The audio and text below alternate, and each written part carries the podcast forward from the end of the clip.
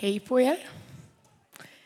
Jag heter Therese Axelsson och jobbar som ungdomsledare här i församlingen. Och eh, jag ska dela några tankar med er här utifrån det här dramat lite grann och så. Och om det är någon som har känt, om det bara är någon som undrar sådär så skulle jag också nämna att om det luktar lite rök här inne så är det för att Scout Trainee, de som går i sexan, sjuan och åttan, några stycken där, har varit på hike i helgen. Vi har varit i Klerbo och sovit i vindskydd och haft det supergott. Så vi tog med oss lite röklukt här till, röklukt till scoutgudstjänsten. Tycker att vi börjar med att be tillsammans. Tack Gud för det dramat som vi precis fick se. Tack för att du genom Bibeln vill förmedla saker till oss i våra liv, Gud. Tack. Amen. Den här berättelsen, den barmhärtige samarien.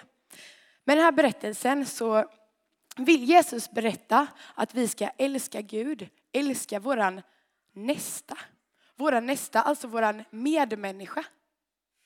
Och jag tror att när vi älskar, när vi visar medmänsklighet, då kommer vi känna tacksamhet. När vi känner glädje och mening, då tror jag att vi kommer känna tacksamhet, alltså vara tacksamma. Och temat nu kommer vara tacksamhet. För den här söndagen är tacksägelsedagen. Och vad i dramat då som vi såg, vad, vad kan det säga oss om tacksamhet? Det här dramat om den barmhärtige samarien. Ja, när vi läser texten så hör vi ju inte att de berättar att de var liksom tacksamma och sådär.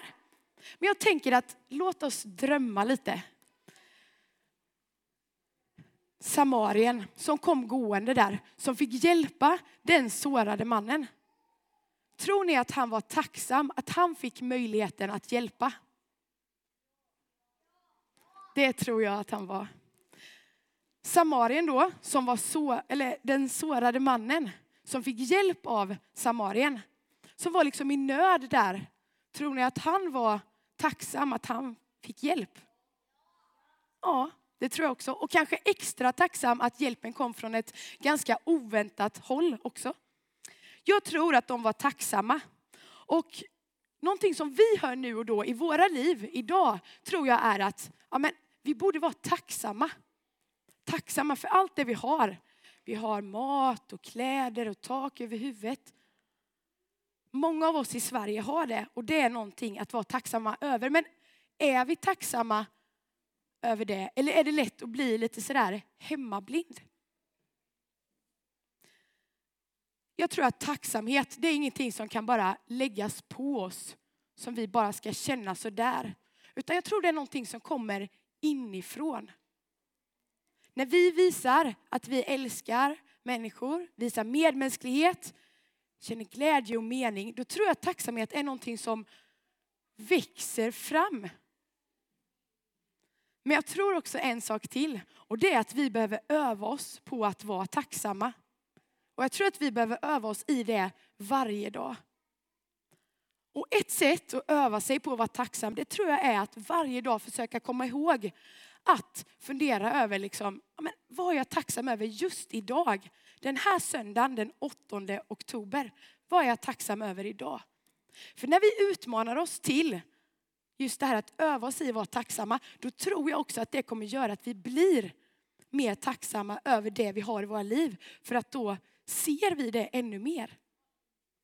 Sen kan livet också vara tufft ibland och det är inte alltid så lätt att känna den där tacksamheten. Men om vi följer Jesus så har han lovat att vara med oss alla dagar, står det i Bibeln. Och då kan vi få vara tacksamma fast det är tufft.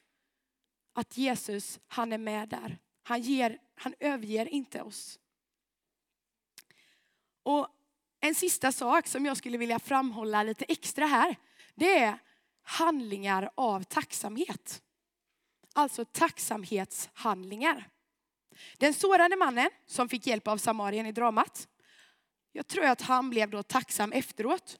Och det tror jag gjorde att han agerade vidare i tacksamhet när han mötte andra människor.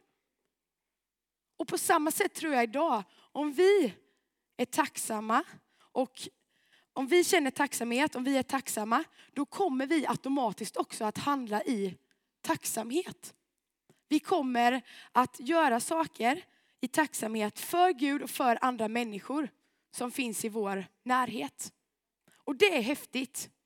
Och jag tror att det är en lycka att få uppleva det och få leva det i sitt liv. Jag tror att det är en riktig skatt.